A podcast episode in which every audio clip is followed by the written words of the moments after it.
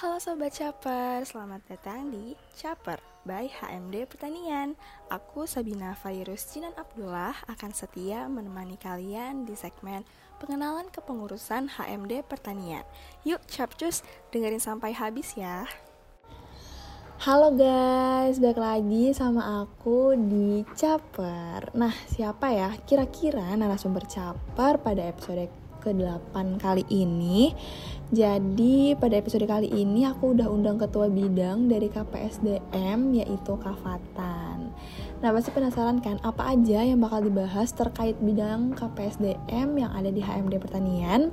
Yuk dengerin sampai habis ya guys biar nggak terlewat informasi-informasinya. Oke, untuk Kafatan sebelum kita lebih lanjut boleh banget nih kak untuk Kak Fatan memperkenalkan diri dulu ya. Silahkan. Oke, terima kasih Sabina. Sebelumnya perkenalkan aku Fatan Notan Indra Putra, biasa dipanggil Fatan. Aku dari Prodi Agroekoteknologi angkatan 2020. Di 2022 ini aku di HMD diamanahin sebagai Kepala Bidang Kaderisasi dan Pengembangan Sumber Daya Mahasiswa atau yang lebih dikenal dengan KPSDM. Terima kasih. Oke, halo Kak Fatan, salam kenal ya Kak. Kak Fatan, apa kabarnya nih Kak? Halo Sabina, kabarku baik, alhamdulillah. Gimana Sabina juga kabarnya? Alhamdulillah dari uh, aku juga kabarnya baik. Semoga kabar aku, kabar Kak Fatan dan teman-teman lainnya yang mendengarkan selalu baik juga ya. Nah, uh, Kak Fatan kesibukannya lagi ngapain aja nih Kak? Untuk sekarang ini berarti kesibukannya selain mahasiswa aktif dan juga di himpunan, aku uh, nyoba ke dunia kerja, aku nyoba magang, eh magang, apa part time di cafe itu. Itu sih. Wow, itu juga mengisi waktu juga sih Kak. Semangat Kak Fatan, semoga lancar mengisi part time-nya. Siap, terima kasih. Oke, kan kita mulai aja kali ini kak. kita sekarang lagi ngomongin tentang bidang KPSDM ya kak. Nah sebelumnya boleh gak Kak Fatan untuk dijelasin nih lebih detailnya lagi mengenai bidang dari KPSDM sendiri. Oke, bidang KPSDM. Bidang KPSDM itu dari namanya dulu kaderisasi dan pengembangan sumber daya mahasiswa. Ada kaderisasi, ada pengembangan sumber daya mahasiswa kaderisasi itu uh, pokoknya intinya tuh biasanya di himpunan di himpunan-himpunan yang ada di Universitas Penogoro itu tentang uh, pelatihan buat mencetak kader-kader yang berkarakter yang kompeten seperti itu kemudian PSDM ya pengembangan sumber daya mahasiswanya ini ya kita di sini selain memberikan pelatihan juga kita memberikan uh, ya seperti buat pengembangan lah pengembangan untuk tiap-tiap mahasiswa ini menjadi individu yang lebih baik lagi uh, lebih kompeten lebih memiliki kualitas diri yang lebih baik lagi lah dari soft skill maupun hard skillnya gitu. Itu dalam satu padulah dan dengan kaderisasi gitu intinya di bidang KPSDM itu ya bidang yang nantinya mengkader atau uh, nama lain itu melatih atau memberikan tips and trick gitu cara gimana menjadi mahasiswa atau kader-kader yang baik. Itu sih di bidang KPSDM intinya.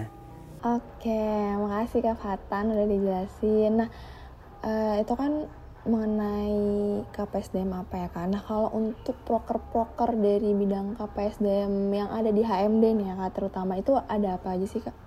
Proker yang di ada di HMD di KPSDM ada lima sebenarnya tapi ada satu proker yang ini saling berkaitan gitu. yang pertama ada kaderistation uh, ini ada tentang uh, kita ini kayak menginformasikan apa aja tentang kaderisasi dan PSDM itu. Namanya kaderistation terus ada diskader diskusi kaderisasi. Jadi kita mendiskusikan uh, apa aja sih kiat-kiat buat dikaderisasi gitu. Terus habis itu ada pertanian bangga. Pertanyaan bangga ini kayak uh, sebagai kita memberikan award kita memberikan apresiasi dan uh, ya apresiasi buat anak-anak mahasiswa departemen pertanian gitu. biar nantinya mereka jika mem memiliki suatu keunggulan tuh kita apresiasi gitu. Terus ada LKMPD ini salah satu proker yang terbesar di KPSDM dan juga mungkin di HMD pertanian ya. Itu latihan keterampilan manajemen mahasiswa pradasar. Dan yang kelima lanjutannya dari LKMPD ada pasca LKMPD gitu. Itu hanya lima itu sih Sabina oke terima kasih banyak ya Kak Fatan udah mau dijelasin. Nah teman-teman pasti uh, udah banyak yang tahu juga ya sebelumnya uh, bidang KPSDM itu apa. Nah pro program kerja atau proker dari KPSDM ini sangat beragam dan menarik-menarik banget ya. Dari yang udah dijelasin Kak Fatan sebelumnya, bidang KPSDM sendiri itu mempunyai ranah untuk bergerak dalam bidang kaderisasi departemen, terus juga pengembangan soft skill mahasiswa yang diwujudkan dalam bentuk LKMPD yang udah di yang udah disebutkan Kak Fatan juga.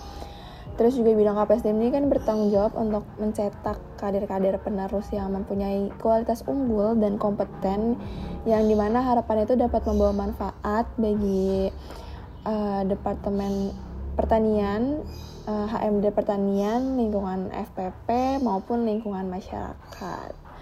Nah, uh, aku mau tanya lagi nih Kak Fatan. Seberapa penting sih Kak sebuah kaderisasi itu dan kenapa harus ada kaderisasi gitu? Oke, okay. seberapa penting kaderisasi?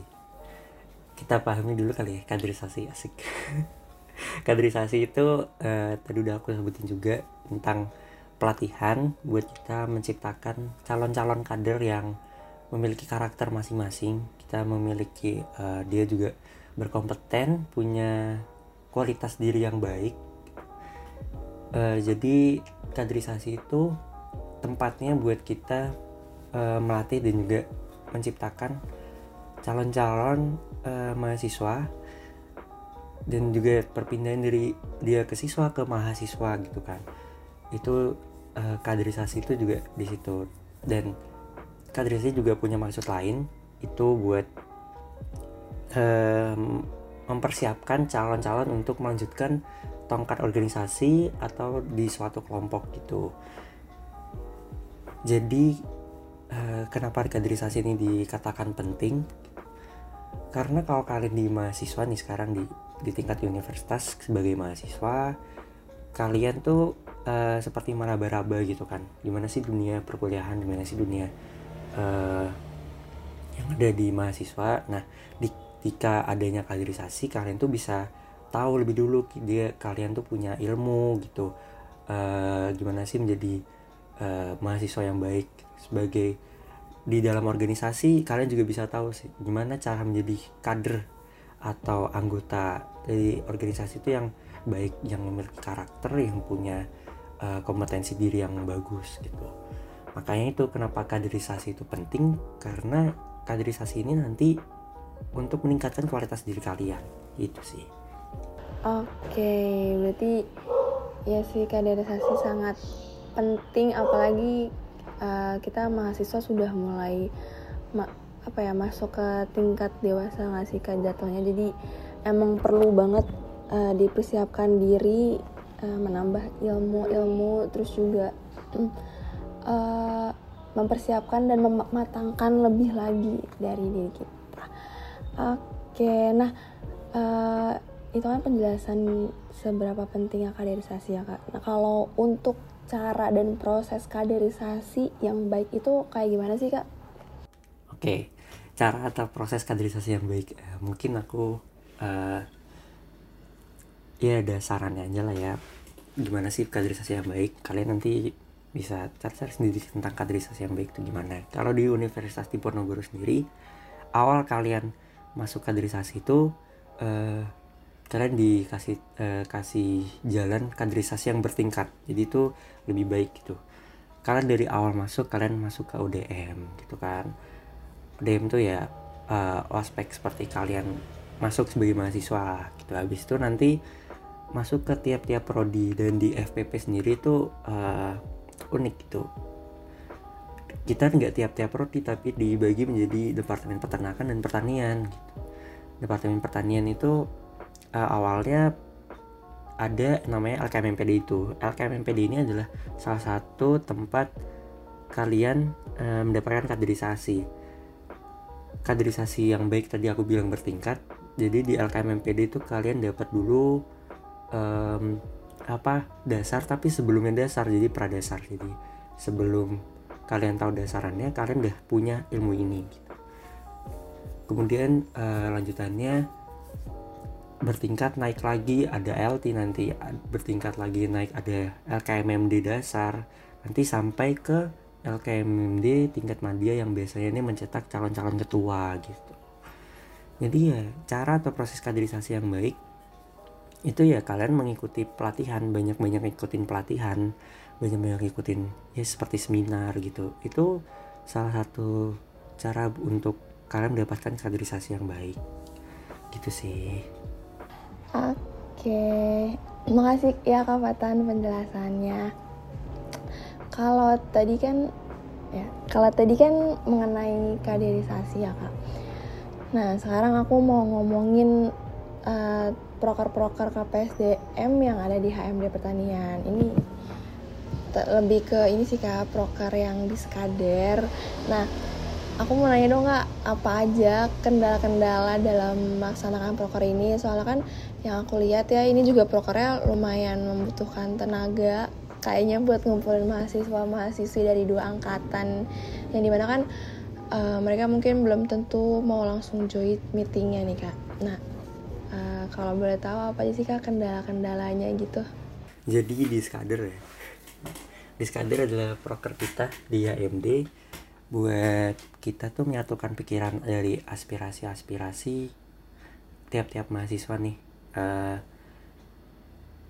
apa sih kaderisasi yang baik buat di tiap-tiap prodi gitu? Tiap-tiap prodi di departemen pertanian ada tiga prodi nih. Ada teknologi pangan ada agribisnis ada agroekoteknologi uh, tiap-tiap prodi itu pasti pengen punya kader atau mahasiswa yang uh, sesuai dengan prodinya masing-masing gitu.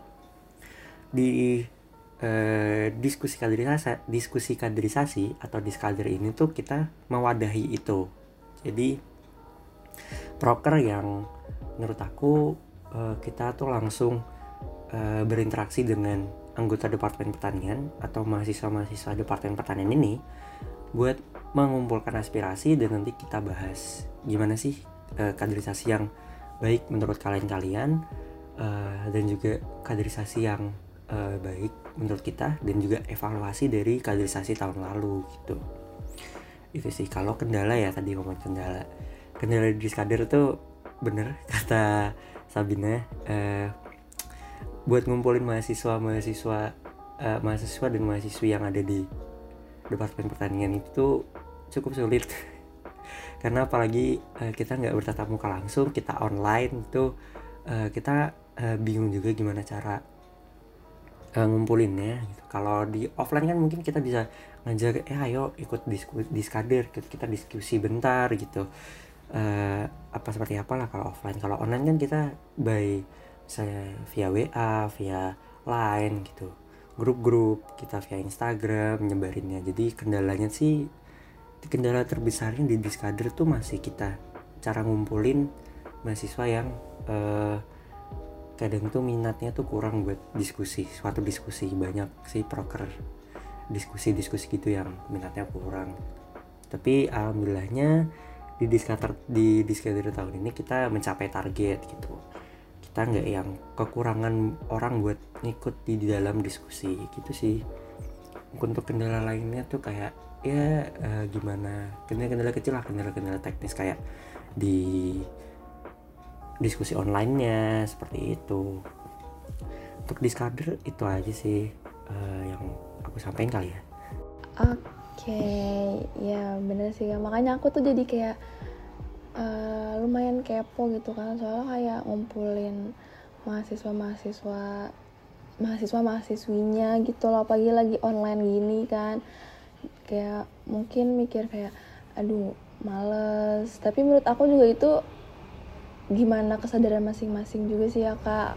Apalagi kan ini juga uh, diadainnya buat kepen buat kepentingan dan kebaikan ke depannya mengenai kaderisasi yang ada di HMD pertanian ya kak khususnya. Oke nah kalau ini pertanyaan selanjutnya kak kita next kalau mau jadi anggota KPSDM tuh ada kriteria khususnya nggak sih kak? Langsung pertanyaannya ke anggota ya. oh ini emang random, random ya? sih kak. anggota KPSDM sebenarnya kalau dari aku sendiri tuh gak ada kriteria khusus gitu. Uh, kriteria kita yang normal aja sih. Yang pastinya kalau kalian mau terjun ke bidang itu kalian harus paham. Paham tentang bidang itu apa gitu. Enggak uh, semata-mata kalian aku pengen ikut KPSDM udah daftar gitu. Menurut aku itu uh, di KPSDM ya sebaiknya jangan seperti itu gitu. KPSDM itu kalian harus tahu dulu gimana sih uh, apa itu kaderisasi lah. Minimal tuh kalian tahu apa tuh tentang kaderisasi gitu. Terus gimana kaderisasi di himpunan ini gitu. Kaderisasi di universitas ini.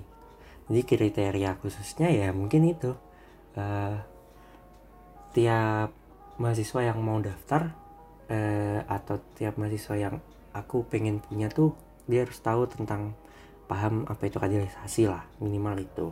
Terus ya mungkin ini sedikit oh ya yang buat asik-asiknya gak bisa dia bisa begadang.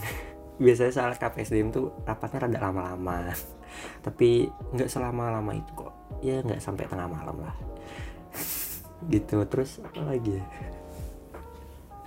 Uh, kriteria apa lagi ya? mungkin itu aja sih. Normal aja. Yang penting paham kaderisasi. Itu sih. Oke. Okay.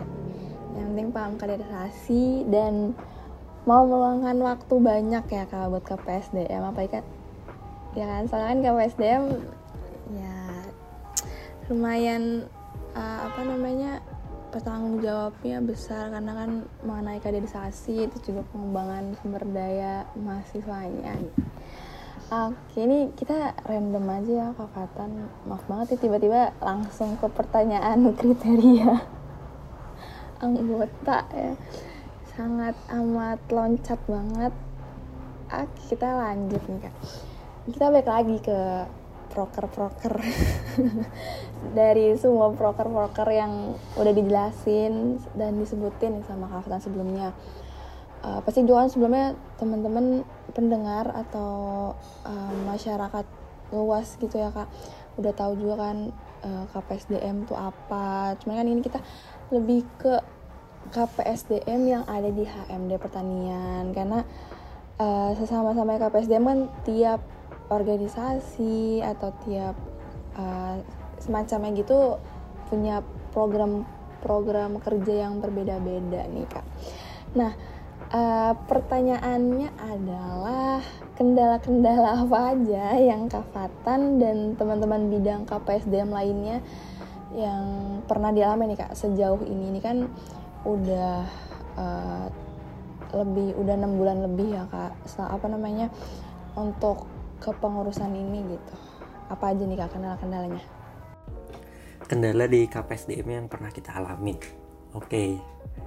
uh, eh, karena uh, udah berarti udah enam bulan ini ya di AMD enam bulan lebih malah uh, kita yang kita alamin yang kita rasain sebagai menjadi uh, anggota himpunan online pengurus himpunan online gitu ya itu tadi kalau kita ada broker kita ada uh, suatu acara di KPSDM kita online kita buat ngumpulin masa itu sendiri tuh ya nggak bisa dibilang gampang gitu.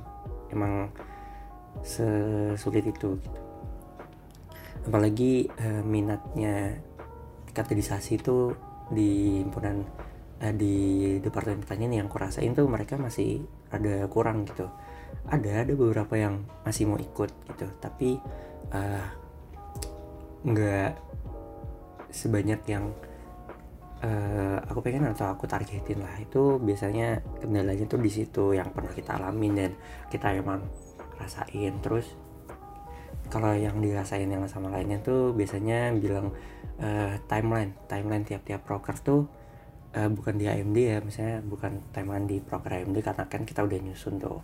Timeline sama pemawar lainnya tuh kadang tabrakan. Tuh kendalanya sih uh, yang bikin jadinya kan masanya kan kebagi juga. Ada yang ke proker ini proker itu gitu.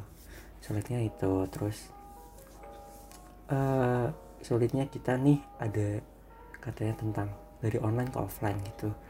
Itu yang uh, kadang kita alamin tuh sebagai kendala tapi juga sebagai kita tantangan gitu. Gimana cara kita nyelesainnya. Itu sih. Emang pasti seputar mencari masa. Itu sih Sabina kendalanya.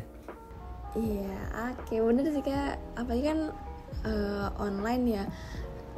Jadi ngumpulin masanya susah tuh kayak untuk make sure bener-bener dia ikut tuh uh, bingung juga kan ya apalagi kalau maksudnya online tuh susah buat kita uh, kita monitoring gitu kan kak. Kalau offline kan lebih gampang lebih uh, terlihat gitu kan kita bener-bener tatap muka jadi kelihatan gitu lah masih bisa kita koordinir. Cuman kan kalau online kan ya kayak kita di mana terus uh, yang lain di mana jadi emang bener-bener gak bisa kita kontrol banget ya.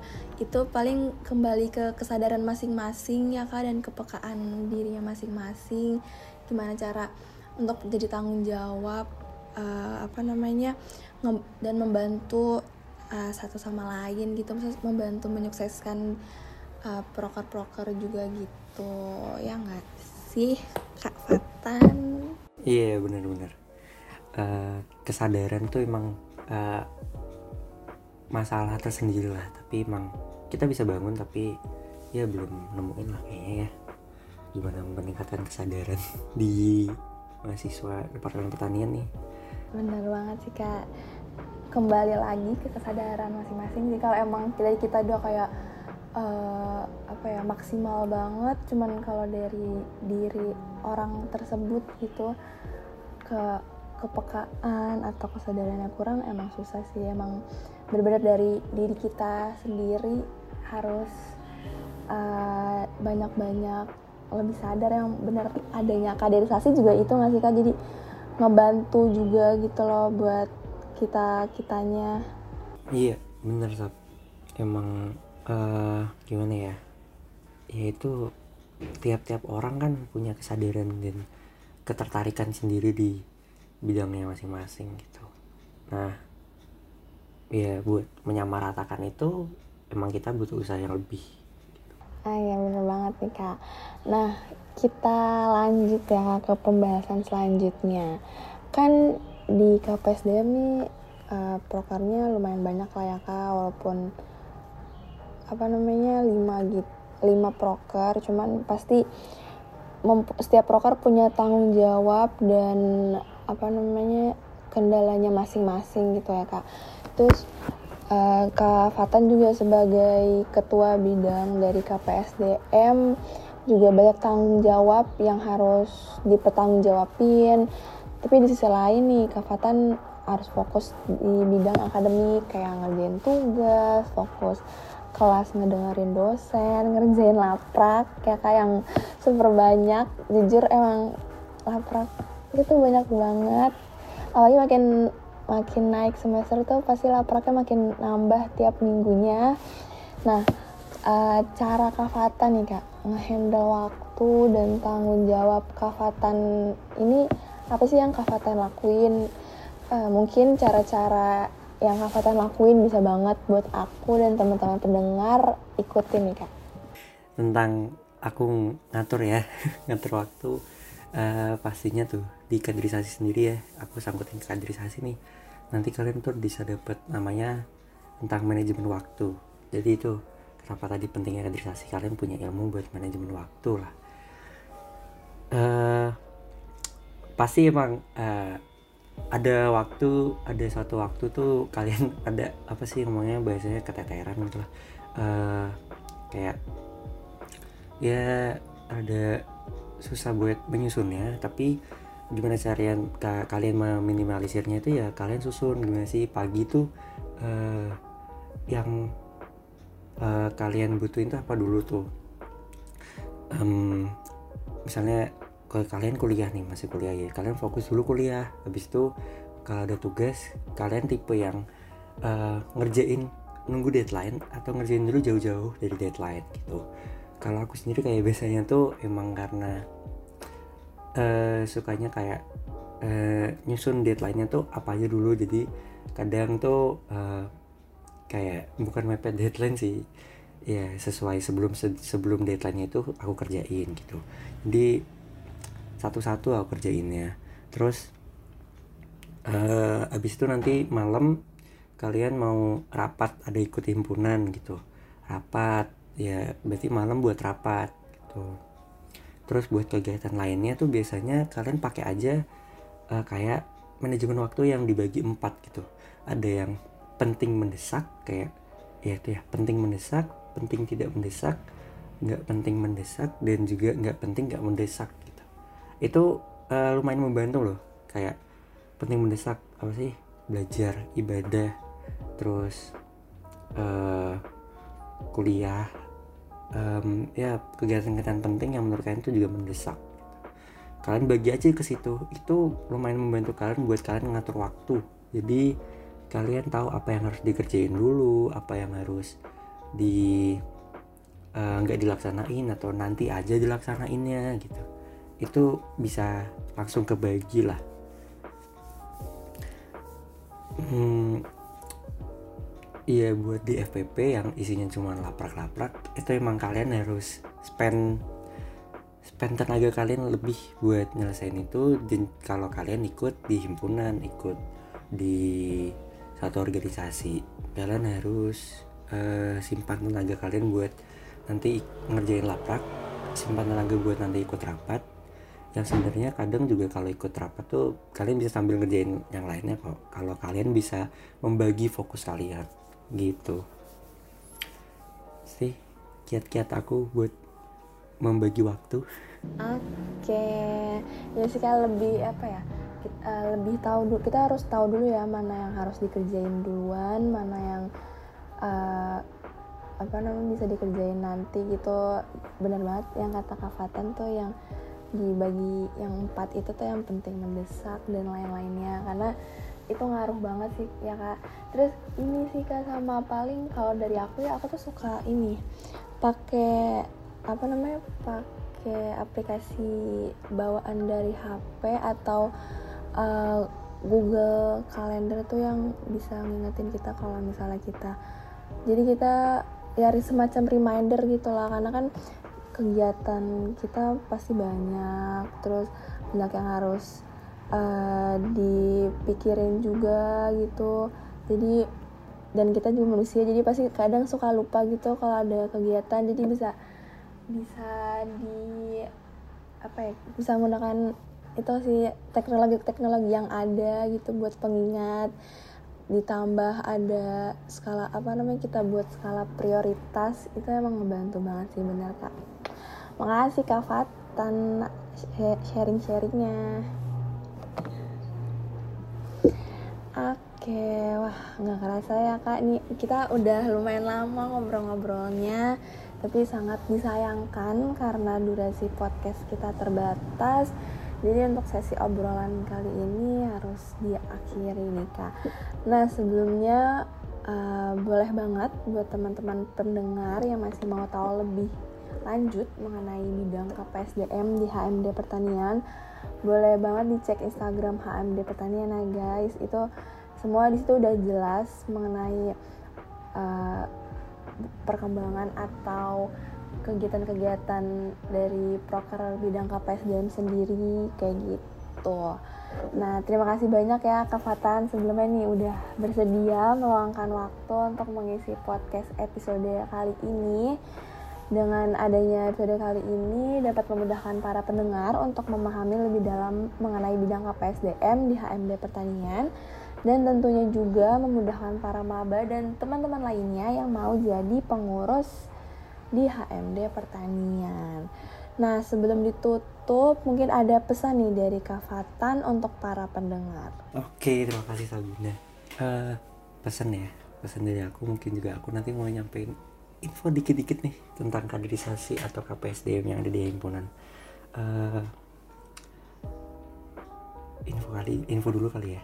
Uh, kalian uh, jangan lupa buat ikutin terus proker-proker yang ada di KPSDM, apalagi di HMD buat yang para pendengar ini nanti ada diskader kalian akan ikut nanti terakhir ada evaluasi tentang kaderisasi yang udah kita jalanin kayak gitu terus deket-deket ini ada LKMMPD kalau kalian mau ikut terjun di dalam kaderisasi LKMMPD itu juga udah buka open recruitment panitia loh gitu.